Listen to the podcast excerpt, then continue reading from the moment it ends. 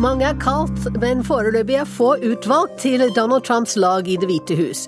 Rundt 4000 politisk ansatte byttes ut ved presidentskiftet i USA. Direkte uutholdelig blir dessuten spenningen når det meldes om interne konflikter i overgangslaget, om fløyer og personlige motsetninger, om gammelt gruff og nytt nag. Ikke før er vi ferdig med presidentvalget i USA, så er Frankrike i gang. Republikanerne der holder nominasjonsvalg i morgen. Colombia forsøker seg på fred igjen etter nei i folkeavstemningen. Nå tror folk på den. For første gang i mitt liv så opplevde jeg at de fleste jeg møter, snakker om fred. Eh, både de som stemte nei, og de som stemte ja.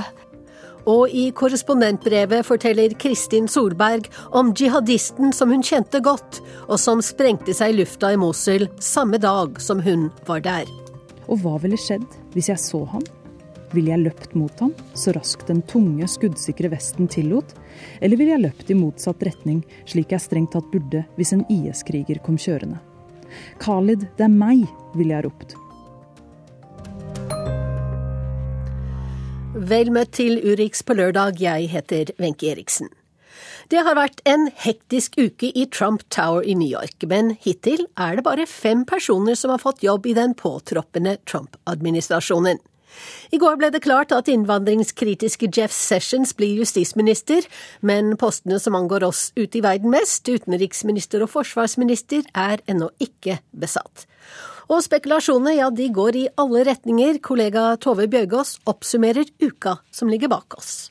Dishonesty is Donald Trumps hallmark. His imagination must not be married to real power.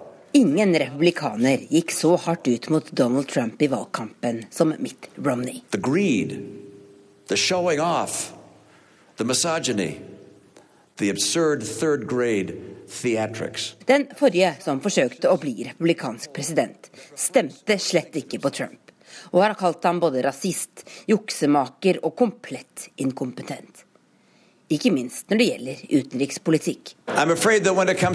Policy, very, very Men senere i dag, på USAs nyvalgte presidents golfhotell i New Jersey, skal han visstnok dukke opp.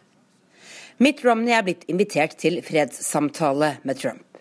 Og ryktene går om at han vil bli tilbudt jobben som USAs nye utenriksminister. Mange verdensledere, i alle fall i Europa, krysser kanskje fingrene. Men etter sine ramsalte utfall mot Trump mener mange det vil være et voldsomt tilbaketog for Romney å si ja til en jobb i den nye administrasjonen nå. Ingenting er imidlertid lenger en overraskelse her i det nye USA. De siste dagene er det blitt utnevnt, kranglet og demonstrert, men også røkt overraskende fredspiper. Sjokkerte demokrater og jublende republikanere har lovet å samarbeide der de kan. Her er demokratenes nye minoritetsleder i Senatet, Chuck Schumer. Okay. We're ready to stand shoulder to shoulder with Republicans working with soon-to-be President Trump on issues where we agree. Og her er Bernie Sanders. I think what you will see on Capitol Hill is many Democrats will be prepared to work with Mr. Trump if he turns out to be sincere about the promises he made during the campaign. Disse uttalelsene falt imidlertid før svært kontroversielle Steve Bannon ble utnevnt til Trumps nærmeste rådgiver. Og før det ble klart hvem det er som skal styre innvandringspolitikken.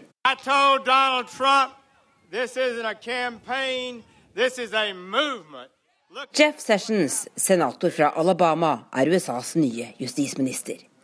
Han får ansvar for å deportere ulovlige innvandrere, bygge muren mot Mexico og avgjøre om Hillary Clinton skal etterforskes videre. Demokrater krever at Trump trekker utnevnelsen. Sessions, som nesten helt fram til valgdagen var den eneste senatoren som offisielt støttet Trump, er bl.a. blitt beskyldt for å ha uttalt seg positivt om Ku Klux Klan.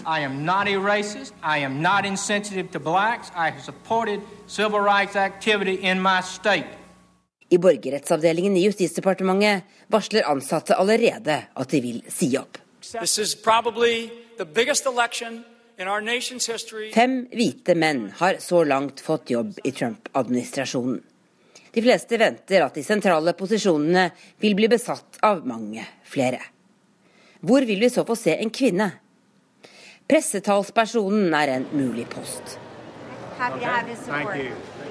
Der kan Trump velge sin egen valgkampsjef, Kellyanne Conway. Men et annet navn får større oppmerksomhet. You all know why in your heart Donald Trump won the Republican nomination. You know it. Laura Ingraham er en populær radioprogramleder og forfatter et godt stykke ute på høyresiden. På republikanernes landsmøte i sommer beskrev hun amerikansk presse på denne måten. You know why he won it? Because he dared to call out the phonies, the frauds, and the corruption that has gone unexposed and uncovered for too long. Og hva er vel bedre enn en pressetalskvinne i Det hvite hus som tør å gå rett i strupen på nettopp pressen? Det var som kjent nettopp alle de ledende mediene her som var så skråsikre på at Hillary Clinton ville vinne valget. Nå er demokratene både urolige og selvransakende. Men de innser at de har tapt, og at de trenger både nye lederskikkelser og en skikkelig intern oppvask. Forfatter Thomas Frank er ikke overrasket. This party has been moving in the same direction for 40 years, and that direction is away from unions, away from the working class. I mange år har han kritisert etablissementet i sitt eget parti for ikke å høre etter.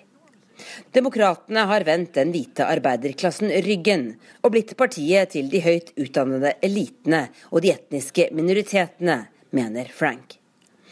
Slik beskriver han det Trump har fått til til National Public Radio. This guy destroyed the, the establishment wings of both parties in one year. He ended two political dynasties. Look, from a you know from a Jeffersonian point of view, that's awesome. That is that is a, that is a thing of beauty. Han knuste både etablissementet i begge partier og to politiske dynastier på under ett år. Thomas Jefferson ville ha elsket det.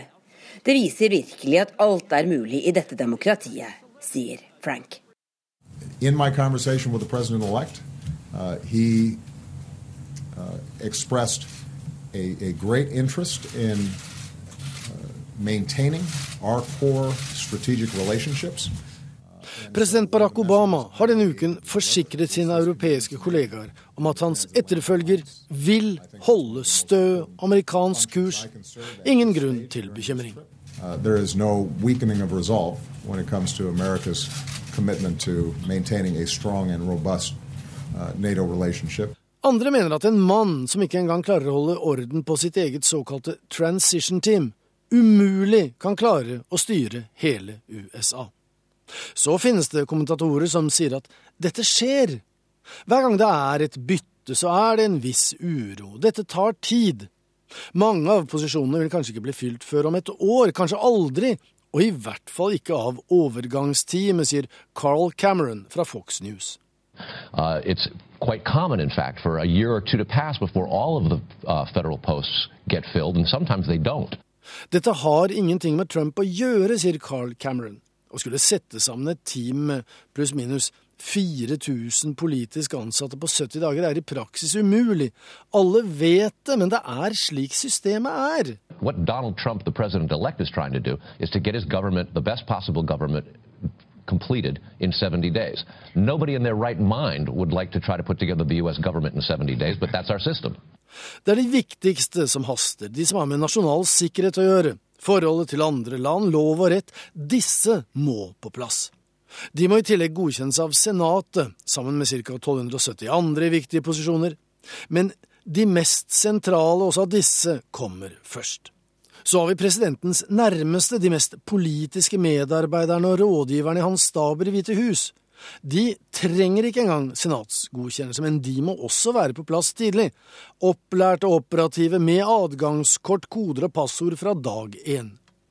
Og overgangsteamet holder på. Studerer CV-er, sjekker bakgrunnspapirer, snakker med tillitsvalgte. Én eller to straffedømte, barnemishandlere eller Ku vil være en katastrofe, eller for den saks skyld skattesnytere, fyllekjørere eller kvinnesaksskeptikere.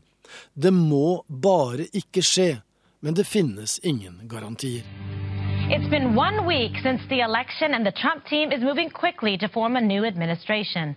Som vi vet, ambassadører de kan godt vente. Det samme kan de som skal fylle opp kommisjoner og komiteer, direktorater og departementer, styrer og stiftelser, råd og utvalg. De som skal jobbe med utdanning, forskning og landbruk, med bolig, kultur og romfart, med bistand, transport og de nasjonale arkivene, med post, meteorologi og indianere med mer. Det haster ikke. Ja, de er nødvendige, men ikke uunnværlige, og i hvert fall ikke de første dagene og ukene. Men de kommer, og de er der. Det finnes tusenvis av villige og kompetente folk, sier Mike Rogers, en tidligere republikansk kongressmann som allerede har rukket å forlate overgangsteamet. Thousands and thousands and thousands of really good people were interested a little bit before the election and a lot after the election. Mike Rogers undrer seg over navnenevningen. Han vet at folk som aldri har vært på noen Trump-liste, spiller seg selv inn bare for å bli nevnt mens folk som virkelig er med i betraktningen, aldri blir nevnt i spekulasjonene, fordi de holder en lav profil. People who were never on the list throw their name to the press to say, I think I'm on the list. We've seen people who have always been on the list. I've not seen their name in the press at all. En slik transition fra én president som representerer det ene store partiet, til en nyvalgt som representerer det andre. Det skjedde i 2008 og i år 2000. Før det igjen i 1992. Det skjer altså bare hvert åttende år. Det er en stor og sjelden begivenhet, ikke minst for de mange direkte involverte. De er spente og forventningsfulle. De håper og frykter. Og enda mer interessant er det nok for de som lever av å kommentere fenomenet. Direkte uutholdelig blir dessuten spenningen når det meldes om interne konflikter i overgangslaget, om fløyer og personlige motsetninger, om gammelt gruff og nytt nag hvilket det naturligvis vil være i alle slike hurtigarbeidende komiteer. Problemet denne gang, og den enorme interessen for noe tidligere så uinteressant som The Transition Team, sier Alec Eisenstadt i Politico, det er all uvissheten rundt Trumps politikk og politiske retning. You know, this comes at a time when a lot of Americans are looking for more information on how Donald Trump is going to lead and how he makes key decisions. Trump har lovet å drenere myra, altså luke ut de mest inngrodde Washington-insiderne. Trump ser for seg hovedstaden som en sump, der folk blir sittende fast resten av livet uten vilje eller krefter, for ikke å si motivasjon, til å rive seg løs. Dette vil han endre på. Men det spørs hvor mange erfarne og kvalifiserte folk han disponerer utenfor det etablerte politiske miljøet i Washington, og som i tillegg har lyst til å prøve seg i løvens hule, for kanskje å bli spist av løven. Og hvor mange kvinner, homofile, latinos, afroamerikanere og ikke minst demokrater vil bli valgt? Eller er det bare hvite forretningsmenn som vil utgjøre den nye vinen i DC? For de sykelig interesserte er det mye å glede seg til. Dere andre får bare holde ut sa Joar Hoel Larsen. Et valg som definitivt vil bli påvirket av hva Donald Trump velger å gjøre fremover, er det franske presidentvalget til våren. I morgen holdes første runde i nominasjonsvalget til det konservative partiet Republikanerne, og det blir spennende. En tredje kandidat seiler opp som en reell utfordrer til veteranene Alain Juppé og Nicolas Sarkozy. TV-stasjonen Frans Død døpte debatten Den definitive debatten. I over to og en halv time, med svak regi og en rotete ordveksling, forsøkte seks menn og én kvinne å selge inn sitt budskap om at ingen andre enn dem selv var best skikket til å lede Frankrike i en urolig tid. Le monde qui s'annonce, c'est un monde qui ne fera aucun cadeau à la France. l'unité autour de nos valeurs, l'unité autour des symboles de la République. Francois Fillon ba folk om å følge sin egen overbevisning og ikke la seg styre av meningsmålingene. Nå synes han kanskje det er en god idé om de følger meningsmålingene. De peker hans vei. Les Français euh, voient bien qu'ils ont le choix entre un candidat, Nicolas Sarkozy, qui leur propose un retour en arrière. Det franske folk kan se at de kan velge en kandidat, Nicolas Sarkozy, som tilbyr et steg tilbake, og som allerede har vært president og tapt et gjenvalg, eller Alain Juppé, som i all hovedsak står for en god politikk, men er altfor forsiktig, sa Francois Fillon om hvorfor konservative velgere skulle velge han. Ifra utsiden utfordrer nye og gamle kjente. Leder for Nasjonal Front, Marine Le Pen, avduket sitt partis nye emblem, en blå rose. Pourquoi cette rose bleue qui a l'air de transgressive un peu, quelque sorte En langage d'effort, la rose bleue, c'est rendre possible l'impossible. Hvorfor er denne rosen blå? Noe som virker litt opprørsk, spurte Marine Le Pen retorisk. I blomstenes språk betyr det å gjøre det umulige mulig, fortsatte hun. Alle i den etablerte eliten fremstiller en seier for oss som umulig. Mens på et sliten treningssenter i en forstad til Paris kunngjorde president Hollands tidligere finansminister Emmanuel Macron sitt kandidatur som uavhengig kandidat. Den 38 år gamle millionæren, gift med sin 20 år eldre lærerinne fra gymnaset, sa han vil frigjøre den energien som finnes i Frankrike, hindret av gamle menn med gamle ideer fra de gamle, tradisjonelle politiske blokkene. Jeg er kandidat til la av de. Vive la République vive la France.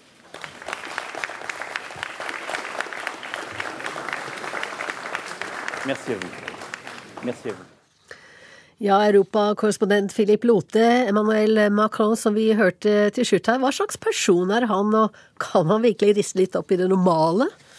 Han kan absolutt riste opp i det normale, og han har veldig stor støtte blant unge franskmenn. Men hans problem er jo at han ikke har noe stort partiapparat eh, i ryggen. Han har forsøkt å bygge opp eh, en egen eh, bevegelse kalt La Marche, altså on the go, eller kom igjen fremover.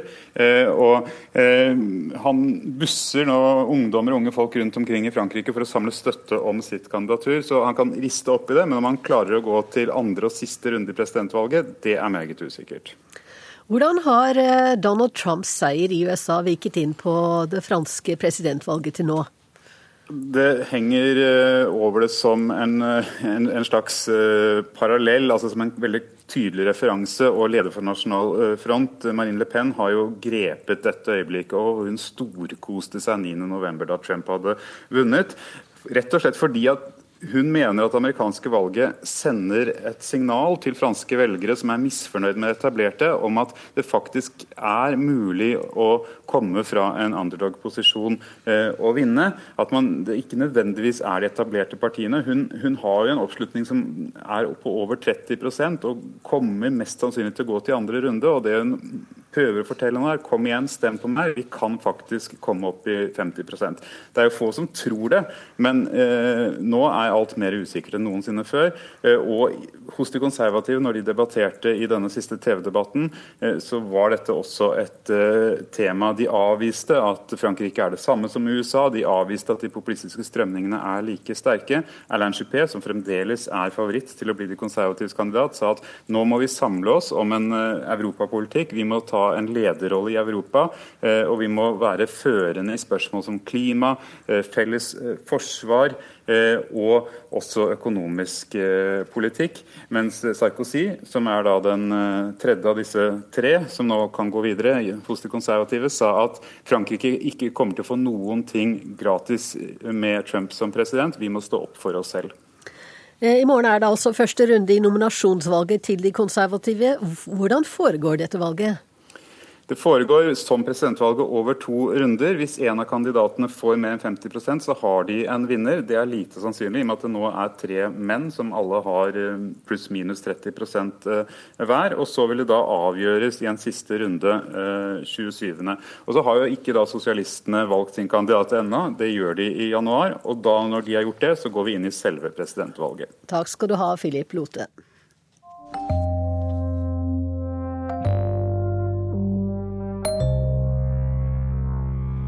Vi skal til den tyrkiske kystbyen Izmir. Der har det bodd grekere i 3000 år, men nå er det bare 40 igjen av dem.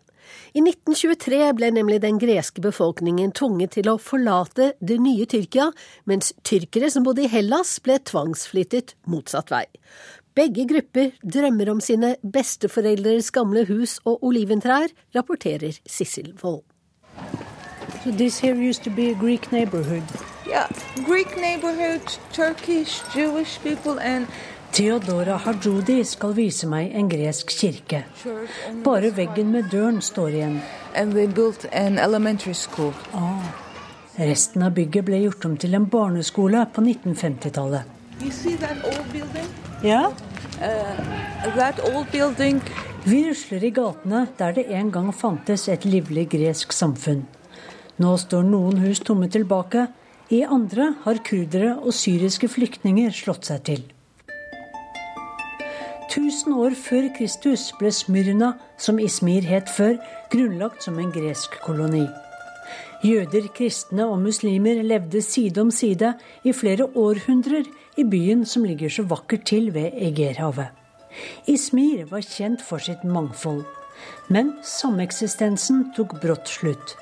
The Greeks that were left from the Ottoman period, we are only about 40 people here, and most of them are old people. Nå er vi bare 40 grekere tilbake her, sier Theodora Hajoudi, som er en av dem. Det osmanske riket havnet på tapernes side etter første verdenskrig. Seierherrene Storbritannia, Italia og Frankrike tok hver sin bit av riket som nå kollapset. Og Hellas invaderte kystområdet med Ismir.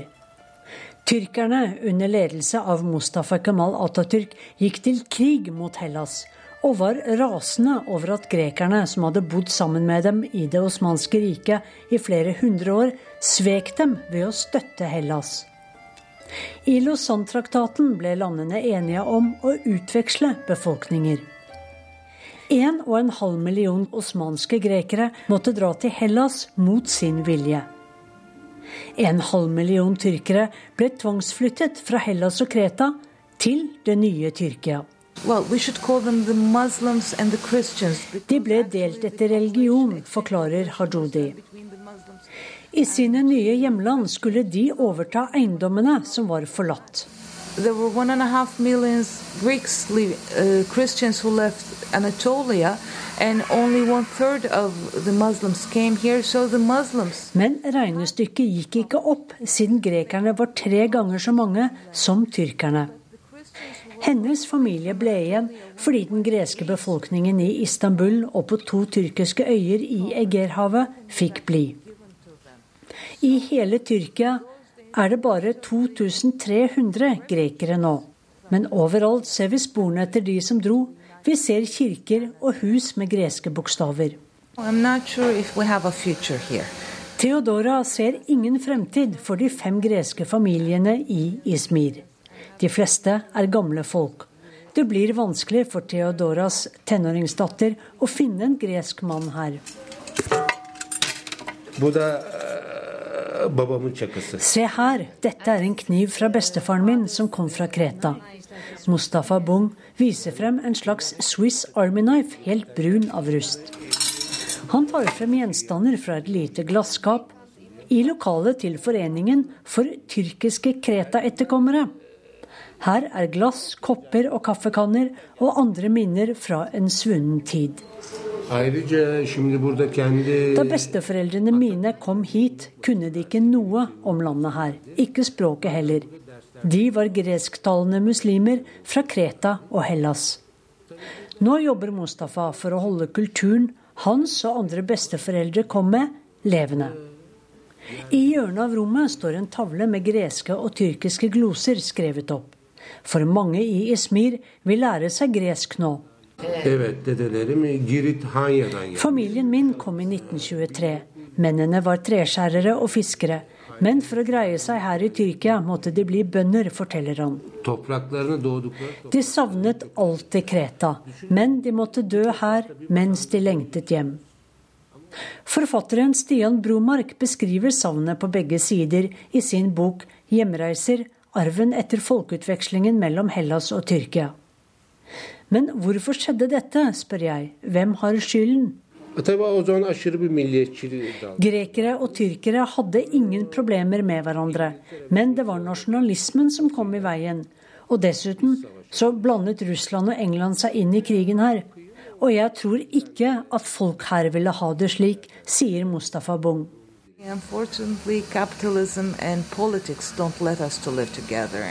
Det er politikken og kapitalismen som ikke lar folk leve sammen. Og nasjonalismen, legger Theodora til. Nationalism is always a very big problem, and it will be a problem in the future too. Du hører på Urix på lørdag i NRK P2. Klokka er 11.28. Bli med oss videre til Afrikas dag på klimatoppmøtet. Og til Mosul i Irak, der offensiven mot IS har vart i en måned og går bare sakte fram. IS handler det også om i korrespondentbrevet på et personlig plan. Colombias president Juan Manuel Santos bekreftet i natt at den nye fredsavtalen med FARC-geriljaen skal sendes til nasjonalforsamlingen for godkjenning. Den første ble forkastet i en folkeavstemning få dager før Santos ble tildelt Nobels fredspris. Generalsekretær Marta Rubiano Skretteberg i Caritas Norge har nettopp kommet tilbake fra hjemlandet sitt, og sier dette om hvilke endringer som er gjort. Eh, president Santos har i sin redegjørelse sagt at det kom over 500 innspill eh, fra ulike aktører.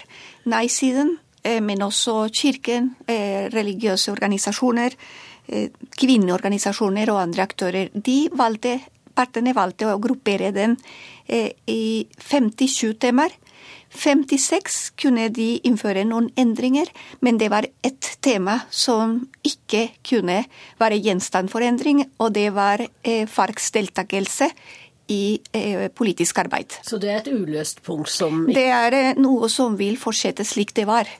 Og det betyr at de eh, er, vil eh, fortsette å jobbe med politikk, politisk arbeid. Hva var de andre viktige punktene som man klarte å bli enige om, da, som man ikke var enige om i Eller som fredsavtalen, der var det enighet, men folket var ikke enig i det? Det som ble gjort, var noen justeringer i forhold til de forslagene som kom opp. Bl.a. at FARC må levere oversikt over sine verdier og penger for å betale ofrene kompensasjon. Hvis ikke vil de kunne miste fordelene de har fått. Det andre er relatert til krav om fengselsstraff for alvorlige forbrytelser. Mm. Dette var et veldig stort krav, men dette kravet er fortsatt ikke inkludert. Men det de har gjort, er å ha nærmere presiseringer av hvordan og hvor eh, frihetsberøvelse skal finne sted. Og det tredje som jeg vil nevne her, er jordbruksreform. Eh, når det gjelder dette, så begrenser den nye avtalen muligheten for å ekspropriere jord som skulle fordeles eh, til mennesker på flukt eller landløse.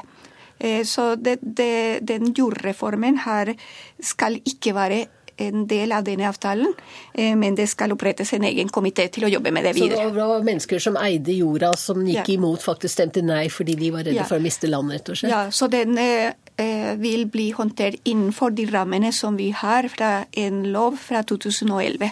Og da ville disse prosesser kunne fortsette inn i de rammene. Når disse punktene nå er justert og det foreligger en ny avtale, Eh, føler de som stemte imot at det er blitt hørt? Du har akkurat vært der og snakket med folk på begge sider. Ja, altså det, det, er en situasjon som er veldig polarisert, så det er sterke meninger både på ja- og nei-siden.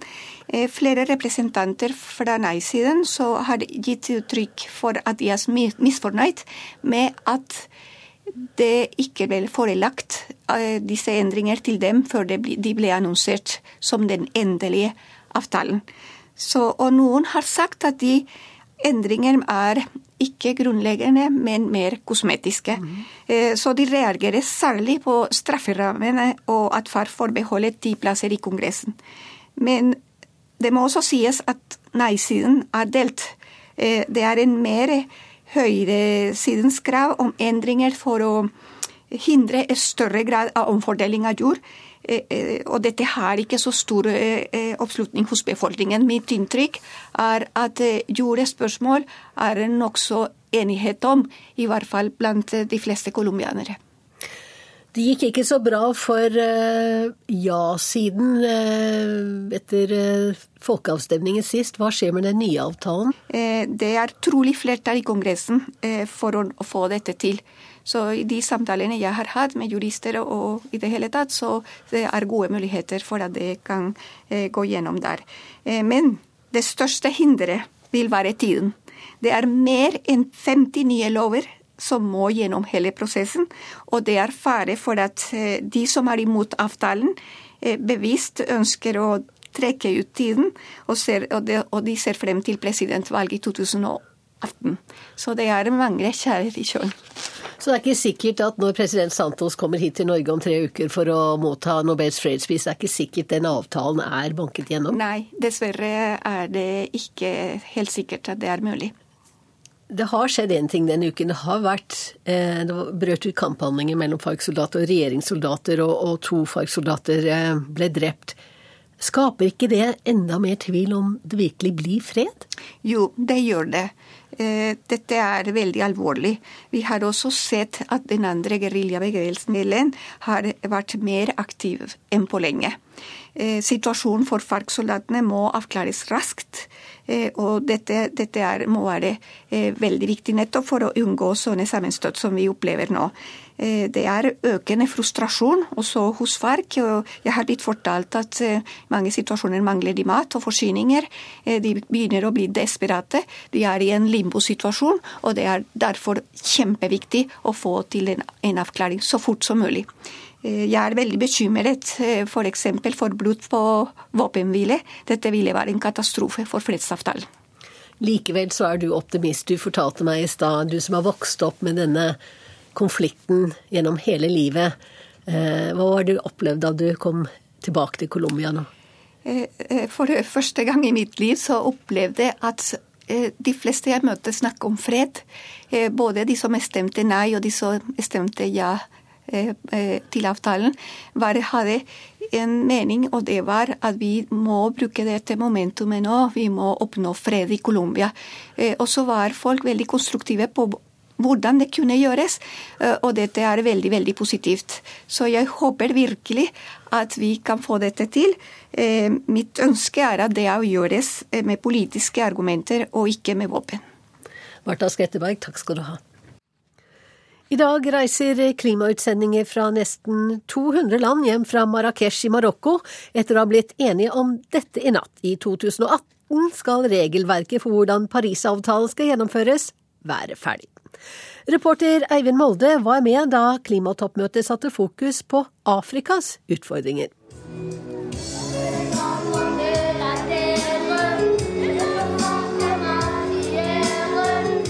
Ei gruppe med barn både fra Marrakech og andre deler av Marokko.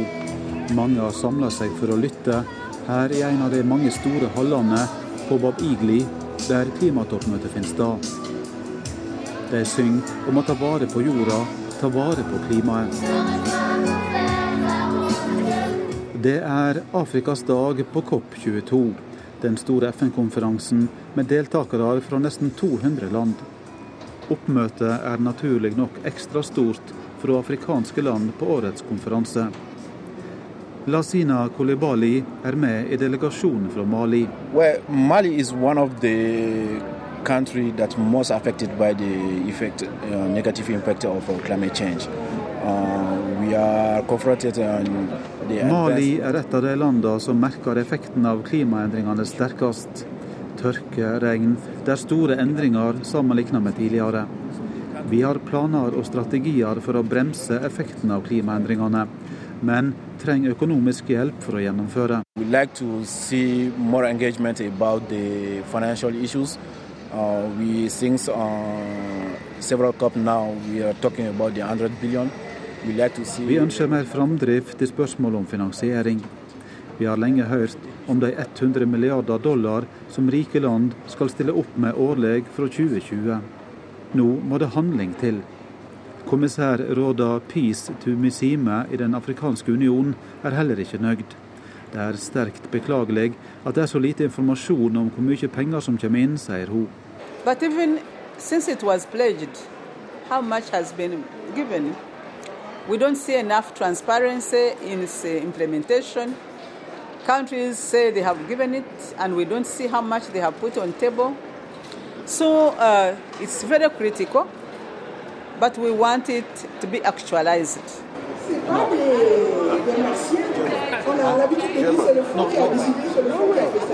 Mange vil ha ordet diskusjonene på Afrikas dag. Mange mener det er urettferdig at Afrika, som i liten grad er årsak til global oppvarming, skal lide under konsekvensene i så stor grad.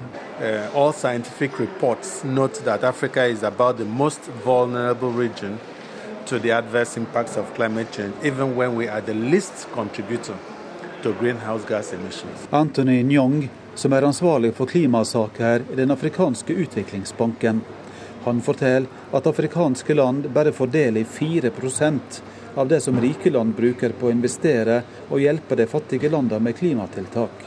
Nå er det tid for å slutte å snakke, og i stedet bruke penger i Afrika, sier han. Well, we're hoping that COP22 is the beginning COP of implementation. We've done all the talk we need to talk. Now is the time for us to begin to invest. Africa is the next investment frontier. Everybody knows it, whether it is in agriculture, whether it is in energy, whether it is in transportation, manufacturing. This is a continent where investments are taking place. Africa has a right to grow. FNs miljøsjef Erik Solheim mener Afrika tar klimautfordringene på alvor. Jeg vil si Afrika nå tar stor grad av ansvar, men det er selvfølgelig også det kontinentet med de største utfordringene. Simpelthen fordi det er det desidert den fattigste delen av verden. Man kan bare løse klimaproblemene i Afrika som en del av den økonomiske framgang og veksten som vi må se de nærmeste tiårene, som skal bringe millioner av mennesker ut av fattigdom. Men heldigvis er det jo sånn at det å løse klimautfordringer skaper en enorm mengde nye, grønne, spennende arbeidsplasser. Og det er som en del av den grønne veksten klimaet vil bli løst i Afrika. Hva kan verden lære av Afrika når Afrika nå går inn i en fase med, med, med grønn vekst? Ja, Hvis Afrika gjør dette riktig, så vil det vise at du kan integrere for å si det på en veldig fin måte, økonomisk framgang og miljø fra første stund. Ikke som vi gjorde i Vesten, og som Kina stort sett har gjort, nemlig først få økonomisk framgang, og når man har stor nok framgang, så begynner man å løse miljøproblemene. Men gjøre begge tingene parallelt. F.eks. ved ikke å utvikle en stor kullindustri, men få en svær utvikling av, av sol og vind fra første dag.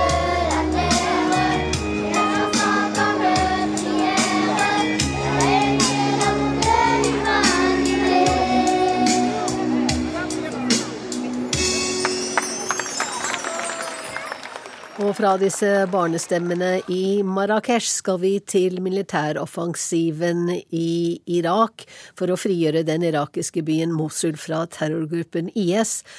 Denne offensiven har nå vart i en måned, og pessimistene hadde rett. Taktikken til IS gjør at både Mosul-operasjonen og den mot Raqqa i Syria går sakte. Hovedgrunnen er selvmordsbombere og de sivile, forteller Halvard Sandberg. De er ikke her, men familien din kan være i bussen bak oss, blir den irakiske soldaten fortalt. Han løper, og så skjer det.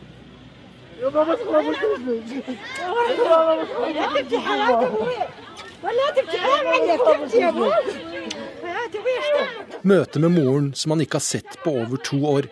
Kvinnen som sier at han ikke må gråte fordi han er en voksen mann. Kvinnen som ber om å få lukte på ham, som kysser ham, som sier hun ville ha dødd for ham. Men denne lille historien fra frigjøringen av Mosul er egentlig omvendt. Det er sønnen som i ukevis nå har risikert livet for at moren og de andre innbyggerne skal bli frie fra IS. En frigjøringskamp som har blitt akkurat så langvarig og blodig som pessimistene advarte om på forhånd.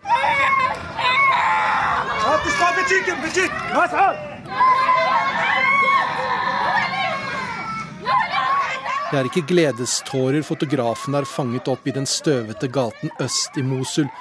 En bombekastegranat har tatt med seg en gruppe barn. Noen er døde, andre lever. I hvert fall en stund. Kampen handler mye om de sivile.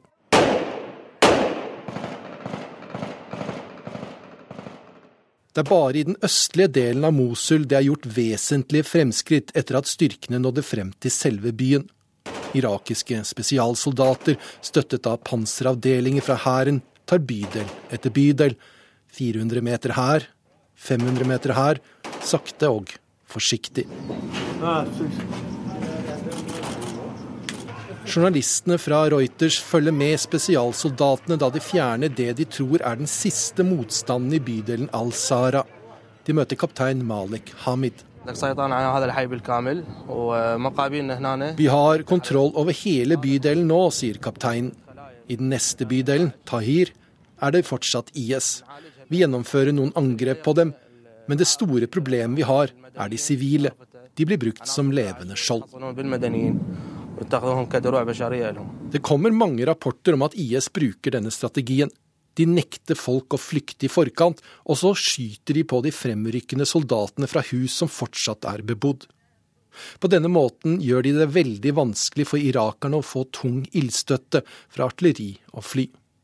Utlendingene som kontrollerer store deler av denne støtten, ønsker å unngå sivile tap.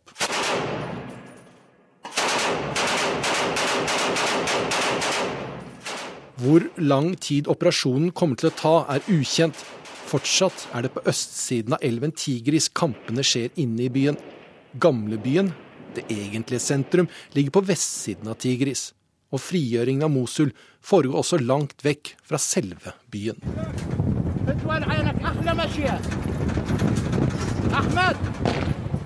Du hører lyd fra en landsby vest i landet. Landsbyen ligger omtrent 90 km vekk fra sentrum av Mosul og vest for byen Tal Afar, som er målet for denne operasjonen.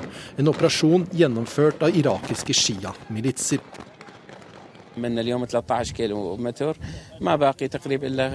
Abu Turab al-Tim-Imi fra militsen Hashid Shabi sier de nå bare har 25 km igjen før de når flyplassen ved Tal Afar. Målet er å ta flyplassen og byen, slik at IS ikke lenger kan bruke forsyningslinjene mellom Irak og Syria i dette området. Det vil stramme tauet rundt halsen til IS i Mosul, sier al-Timimi. Mosul-operasjonen må også ses i sammenheng med operasjonen i Syria som begynte for omtrent to uker siden. Eufrats vrede heter den, og målet er IS-hovedstaden Raqqa. Det er en kamp som foreløpig har hatt en helt annen karakter enn kampene inne i Mosul.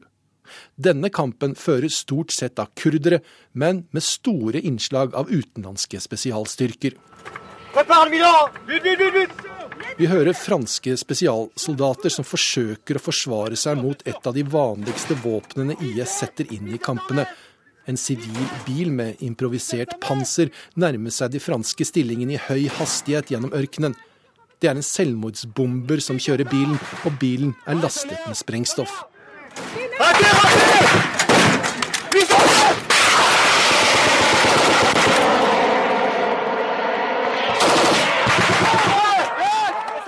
Noen hundre meter unna franskmennene blir bilen truffet av en rakett, og det hele er over. Men taktikken bidrar til at fremrykningen mot Raqqa har gått sakte. Styrkene må sikres mot at selvmordsbilene kommer frem. En tidsplan for når Raqqa faller, er like mye i det blå som tidsplanen for Mosul. IS, Mosul og en selvmordsbomber er også det ukas korrespondentbrev handler om. Kristin Solberg har en personlig historie å fortelle. En gang spurte jeg et annet menneske om han ville drepe meg. Han så meg inn i øynene da han svarte, og han svarte ja. Khalid Kelly og jeg sto utenfor en moské i hvit marmor i Islamabad. Året var 2009, og vi kjente hverandre godt. Vi hadde flyttet til Pakistan samtidig, og begge var der fordi landet var så urolig. Jeg for å dekke det som journalist, han for å ta del i uroen som jihadist. Den dagen snakket han gledesstrålende og forventningsfullt om hvordan han ønsket å bli selvmordsbomber. Det var daglige angrep i Pakistan på den tiden. Khaled ville utføre et av dem. Det var hans aller største drøm. Hvis du ser en mann i en hotellobby, Nybarbert og med en koffert i hånden, og du syns det er noe kjent med ham, bør du omfavne islam rimelig kjapt, sa han. Tonen hans var nesten ertende, der han refererte til koffertbomben han ville holde, og til min tilgang til paradiset han trodde på. Ville du sprengt bomben selv hvis du så meg der? spurte jeg. Et naivt spørsmål, kanskje. Men vi hadde et slags fellesskap på den tiden, til tross for helt ulike virkelighetsoppfatninger. Jeg skrev bok, og Khalid var en av hovedpersonene. Vi tilbrakte derfor mange lange dager i hverandres selskap. I tillegg var vi begge utlendinger, og til dels ensomme, i et nytt land. Og jeg tror egentlig at vi likte hverandre, dog for min del bølget det frem og tilbake. Khalid kunne i det ene øyeblikket si at Osama bin Laden var en helt, og i det neste vise en nesten rørende omtanke, som da han kjøpte dadler før et intervju fordi han visste at jeg likte det. Vi sto tett sammen, tettere enn noensinne tidligere, for vi ville ikke at andre skulle høre hva vi snakket om. Jeg kunne kjenne pusten hans da han svarte ja. Jeg bryr meg om Allah, ikke om journalister, svarte han. Jeg dreper for Allah, det er den beste grunnen til å drepe. Jeg husker ikke hva jeg svarte, for minuttene i solskinnet utenfor moskeen fikk først stor betydning nå, mange år senere. Antagelig svarte jeg ingenting, for jeg trodde ikke på ham. Lite visste jeg at det nesten ville bli satt på prøve syv år senere, i et annet land, i en annen konflikt. Khalid har nettopp blitt selvmordsbomber for IS i kampen om Mosul. Jeg var i byen akkurat samtidig. Igjen var vi på samme sted til samme tid. Jeg som journalist, han som jihadist. IS offentliggjorde nettopp et bilde av ham angivelig tatt like før han satte seg i en bil full av eksplosiver. Han ser rett inn i kamera. I hånden har han en kalasjnikov. På brystet en walkietalkie. Han ser annerledes ut enn da vi sto i solskinnet i Islamabad. Han er tynnere, skjegget er gråere. For meg som kjente ham da, ser han miserabel, nesten ulykkelig ut. Han ser ikke ut som en mann som er i ferd med å få sin drøm oppfylt. Og da jeg hører nyheten, merker jeg en slags sorg. For selv om jeg har sett på nært hold hvilke lidelser IS står bak, er jeg også en forfatter som har mistet en hovedperson. Og jeg kjente Khalid som en forfatter kjenner sin hovedperson. Godt. Svært godt. En gang kjente jeg ham like godt som jeg kjenner noen av mine nære venner. Jeg må medgi at jeg var redd første gang vi møttes i Pakistan. Jeg sa til en venninne at hun måtte slå alarm hvis jeg ikke var hjemme noen timer senere. Jeg ba sjåføren min vente utenfor og ringe hver halvtime for å sjekke at jeg ikke var kidnappet. Khalid hadde imidlertid ingen konkrete planer om å kidnappe meg, selv om han understreket at det ville ha vært rettferdiggjort all den tid Norge hadde soldater i Afghanistan, som han sa. Han ville derimot fortelle sin historie. Han hadde endelig funnet sannheten, sin sannhet, og han ønsket at andre skulle se den samme. Han ble født som Terence Edward Kelly i Dublin i 1967. Som barn ville han bli katolsk prest, men han mistet troen som ungdom. Han flyttet til London og utdannet seg til sykepleier. Av antydningene hans trakk jeg slutningen at det var en tid med en god del alkohol og en god del kvinner. Lokket av god skattefri inntekt flyttet han til Saudi-Arabia. Han pleide å øke volumet på stereoanlegget og åpne vinduene da moskeene kalte til bønn i Riyadh. Samtidig tjente han gode penger på å selge alkohol, forbudt i det konservative landet. Han ble arrestert og dømt til ni måneder i fengsel. En medfange ga ham en koran, og det var da det skjedde, det mest avgjørende i hans liv. Da jeg omfavnet islam, var det som om alle brikkene i livet falt på plass, sa han en dag vi satt i et hotellrom og spiste dadler. Han tok navnet Khalid og dro tilbake til London. Der ble han mer og mer radikal. Da han giftet seg og fikk barn, kalte han sin førstefødte sønn Osama, etter Osama bin Laden. Han var kommet til Pakistan for å bli med i Taliban. Hvorfor kjemper du ikke med dem allerede? spurte jeg. Et øyeblikk så han lei seg ut. Forsøk selv å bli med i Taliban med irsk aksent, og se hvor lett det er, svarte han. Jeg skjønte etter hvert at hele livet hans hadde vært en lang jakt etter aksept, etter tilhørighet, og at det ikke var lett å finne, heller ikke hos Taliban. Ofte ble jeg satt ut av de ekstreme ved ordene han sa, men jeg møtte ham i rollen som journalist og forfatter. Min jobb var ikke å dømme, men å forsøke å forstå. Og å forstå er ikke det samme som å rettferdiggjøre eller akseptere. Slik så jeg ham etter hvert, som en mann på leting etter mening. Ved en tilfeldighet, en koran i et fengsel, fant han det i en bokstavtro tolkning av islam, men han kunne like gjerne funnet det i noe annet. Katolisismen, alkohol, høyrepopulisme, ekstremsport. En grunnleggende fundamentalisme i ham definerte ham vel så mye som religion. Hullet kunne ha blitt fylt med hva som helst, men uansett hadde det blitt ekstremt. Vi møttes i parker og på kafeer, i hotellobber og moskeer i mange måneder. Vi gikk turer, drakk te og spiste ostekake. Vi klagde over varmen og delte reisetips.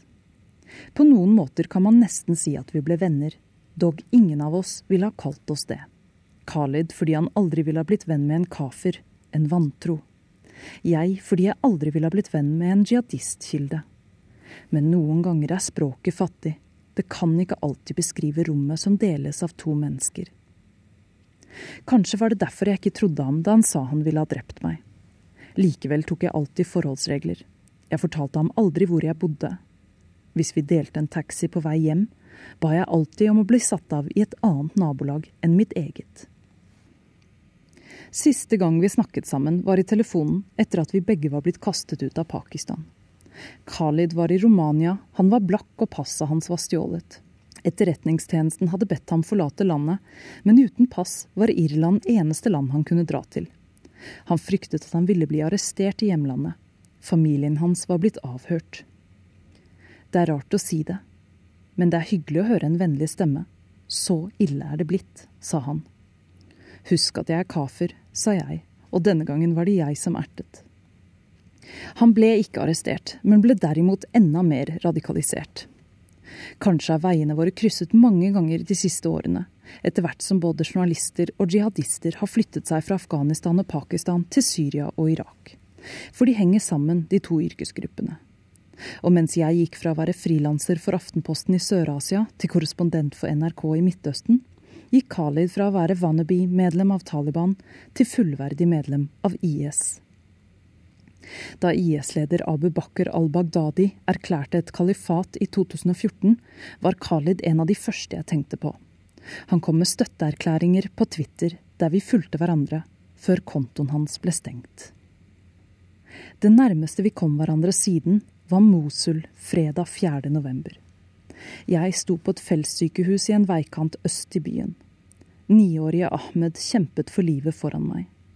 Ti minutter tidligere hadde han spilt fotball med en fetter. Så sparket han ballen på en hjemmelaget bombe, plassert der av IS. Han døde like etterpå. Samtidig kjørte Khalid sin bilbombe vest i byen. Et bilde offentliggjort av IS viser angivelig øyeblikket da bilen hans eksploderte like utenfor Mosul. Han drepte en gruppe militssoldater, ifølge IS. Da jeg først hørte nyheten, trodde jeg ikke helt på det. Jeg tenkte kanskje er det ikke sant. Det er bare noe IS sier for propaganda. Jeg begynte å skrive en e-post til Khalid. Er det sant? Hvis det er det, håper jeg du hviler i fred. Hvis ikke, ta kontakt. Hvil i fred? Kan man si det til en person som har drept andre? Men hva ellers, sier man? Faen ta deg? Håper tiden i helvete blir lang og vanskelig? Jeg kunne ha skrevet alt, og ment det. Jeg sendte aldri e-posten, for jeg fant ikke de rette ordene. Uansett er jeg etter hvert blitt sikker på at den ikke vil bli lest. En del av meg skulle ønske Khalid hadde kjørt østover istedenfor vestover. Dit jeg sto. Hvorfor ønsker jeg det? Jeg vet ikke. Kanskje fordi jeg siden den spede begynnelsen i Pakistan har sett så mye vold, og jeg lengter etter tegn på at det går an å sitte sammen og spise dadler. Kanskje fordi jeg ikke vil akseptere at han virkelig ble selvmordsbomber. Eller kanskje bare for å bevise for oss begge at jeg hadde rett da jeg ikke trodde på ham for syv år siden. Og hva ville skjedd hvis jeg så ham? Ville jeg løpt mot ham, så raskt den tunge, skuddsikre vesten tillot, eller ville jeg løpt i motsatt retning, slik jeg strengt tatt burde hvis en IS-kriger kom kjørende? Jeg kan tenke meg at jeg hadde gjort det første. Khalid, det er meg, ville jeg ropt Og jeg ville sett overraskelsen og gjenkjennelsen i de grågrønne øynene. Kanskje ville jeg også sett et smil. Kanskje. Ikke gjør det, ikke gjør det, ville jeg så ha ropt, og antagelig også veivet med armene som om det kan stanse en bil med eksplosiver. Her er barn som er drept, det er barn drept av dere, stans denne drepingen for Guds skyld, ville jeg sagt. Jeg har ingen illusjoner om at jeg ville fått ham til å endre mening. Jeg forsøkte å påpeke logiske brister i hans verdenssyn i Pakistan, men det nådde aldri frem. Likevel, jeg tror heller ikke at han ville sprengt seg i luften hvis det betød at han måtte drepe meg, til tross for det han sa, i en annen by, i en annen konflikt. Men kanskje gir jeg meg selv for mye betydning. Vi er alle sentrum av våre egne liv, også når de krysser tett inntil andres. Sa vår Midtøsten-korrespondent Kristin Solberg. Urix på lørdag er nå slutt, men på TV er vi tilbake mandag kveld. Teknisk ansvarlig for denne sendingen var Vegard Tislevold. Produsent Marit Selmer Nedrelid, og her i studio satt Wenche Eriksen. Vi sier takk for nå.